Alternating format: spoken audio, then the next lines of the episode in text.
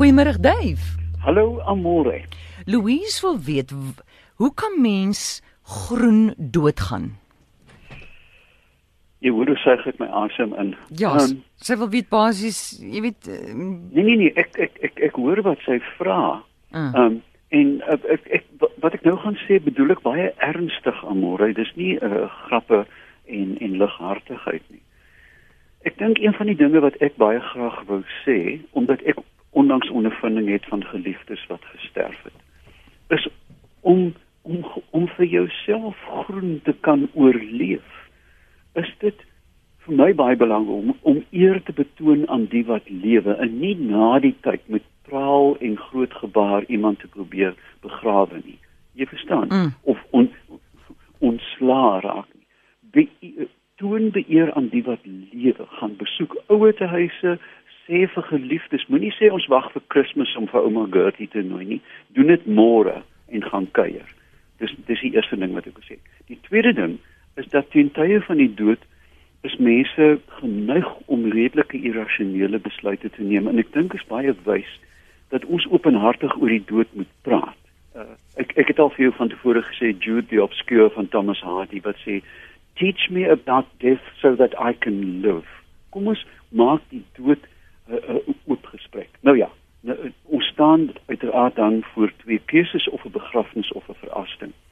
Nou, uh verasting is deesdae baie gewild, maar dit dit verg ontsettend baie energie, jy weet, en dit is 'n spul rook wat in die lug in opgaan. Die voordeel is eintlik dat die die oorblyfsels word draagbaar. Jy kan dit ronddra waar jy wil. Ekskuus gou Dave. Ekskuus gou Dave. Aan die einde van jou sinne gaan jy weg. Kan jy net heeltyd eh, bewus wees om jou stem so in daai die telefoon in te O, praat? jammer, ek, Goed. ek, ek vra om verskoning, dis weer die plaaslyn. Goed. Klink dit beter? Ja, dankie.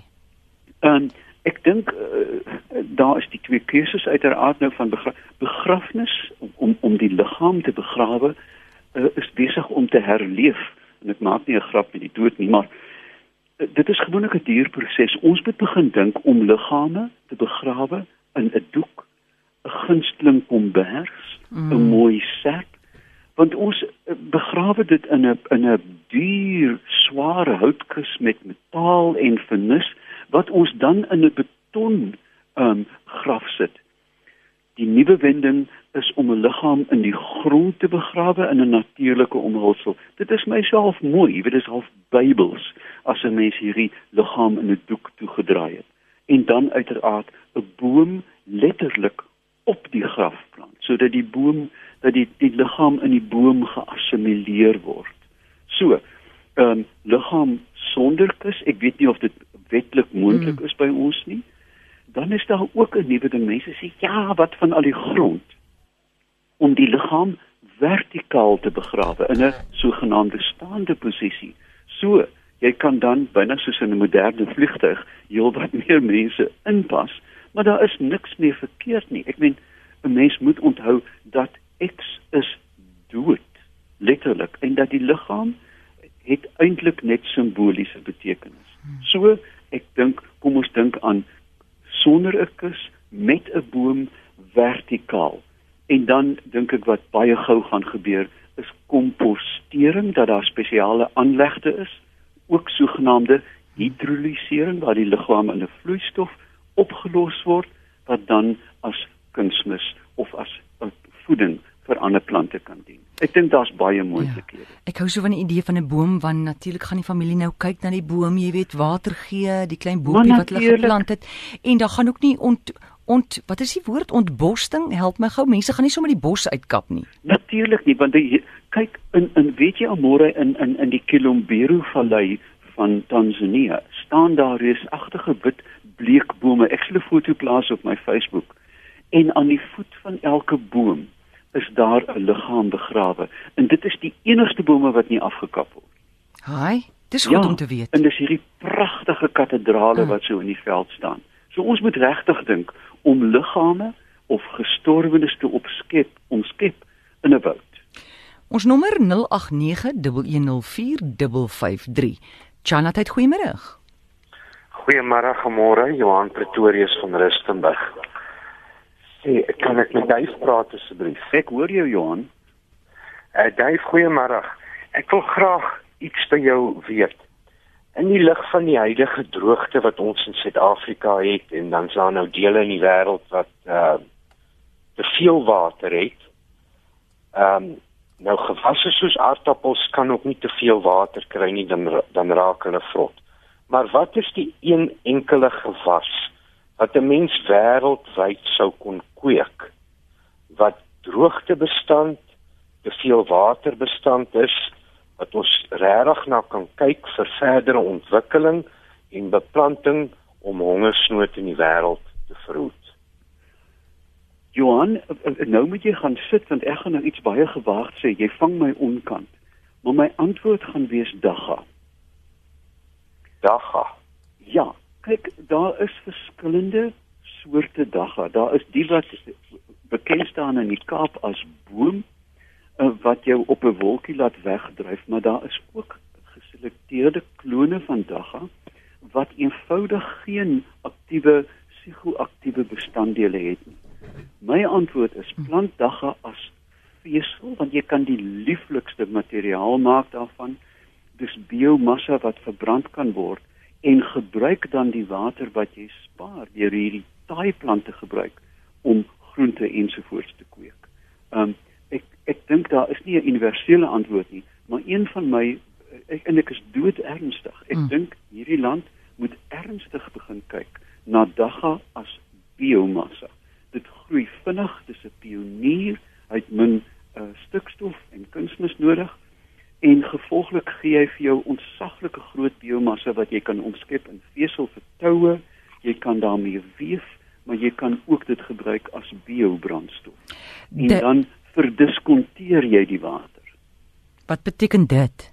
Dit beteken dat jy gebruik die water vir iets anders. O, Dave, hoe sal mens nou weet daai goeie dagga waarvan jy nou praat, is dit die einste dagga wat ook medisinaal aangewend kan word? Nee, Nee, kyk die die die psigoaktiewe bestanddele in daggel is hydro ek nou mooi dan. Maar in elk geval ons weet almal uiteraard wat dit is.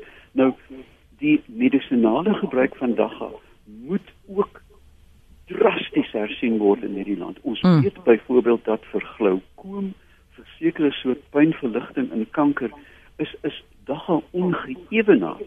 Nou, as jy in 'n terminale stadium van jou lewe is, mag jy vrolik wees, jy verstaan. Mm. En ek dink net daar is 'n verskriklike stigma aan aan dagga. Natuurlik die die die uh roekelose gebruik van enige uh, middel soos dagga um, is gevaarlik en dit is gevaarlik hoofsaaklik op die sielkundige vlak. Jy weet dit kan mm. hoe, hoe vroeër jy die goed begin gebruik, hoe groter is jou kans om later emosionele en probleme te ontwikkel. Ek gaan groet ja.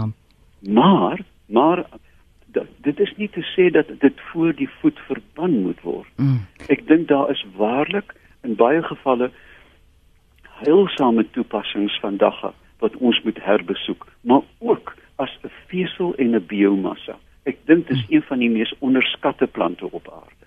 Goed, help my gou hier, wat is die verskil tussen dagga en hemp?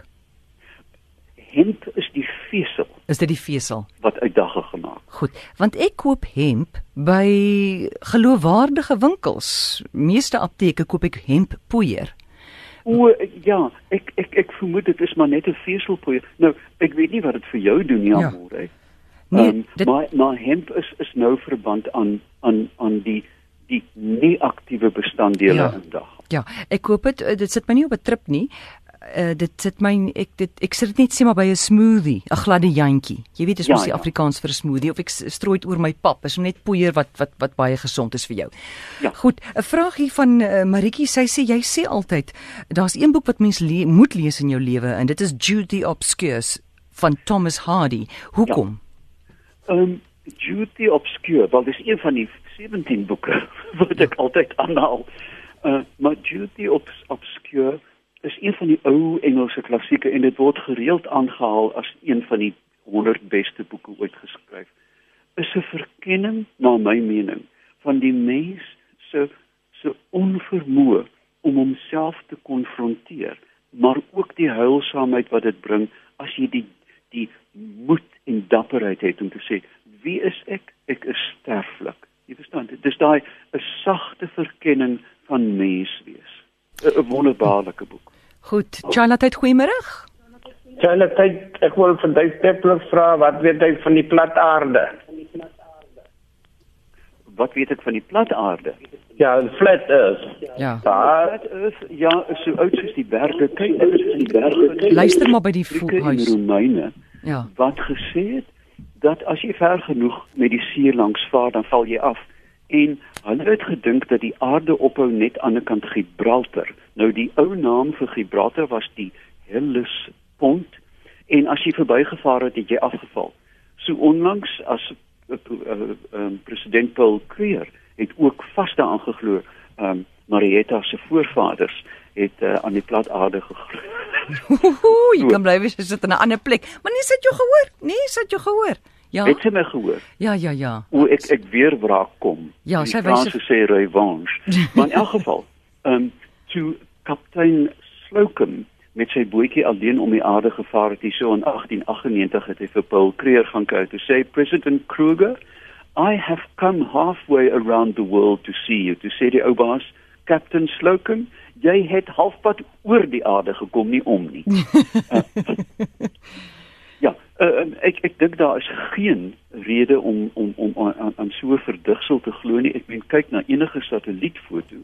Um 'n vlieg net hoog genoeg in 'n straler en jy sien eenvoudig dat die aarde wel rond is. En 'n plat aarde sou nie werk nie behalwe in boeke van Terry Pratchett miskien.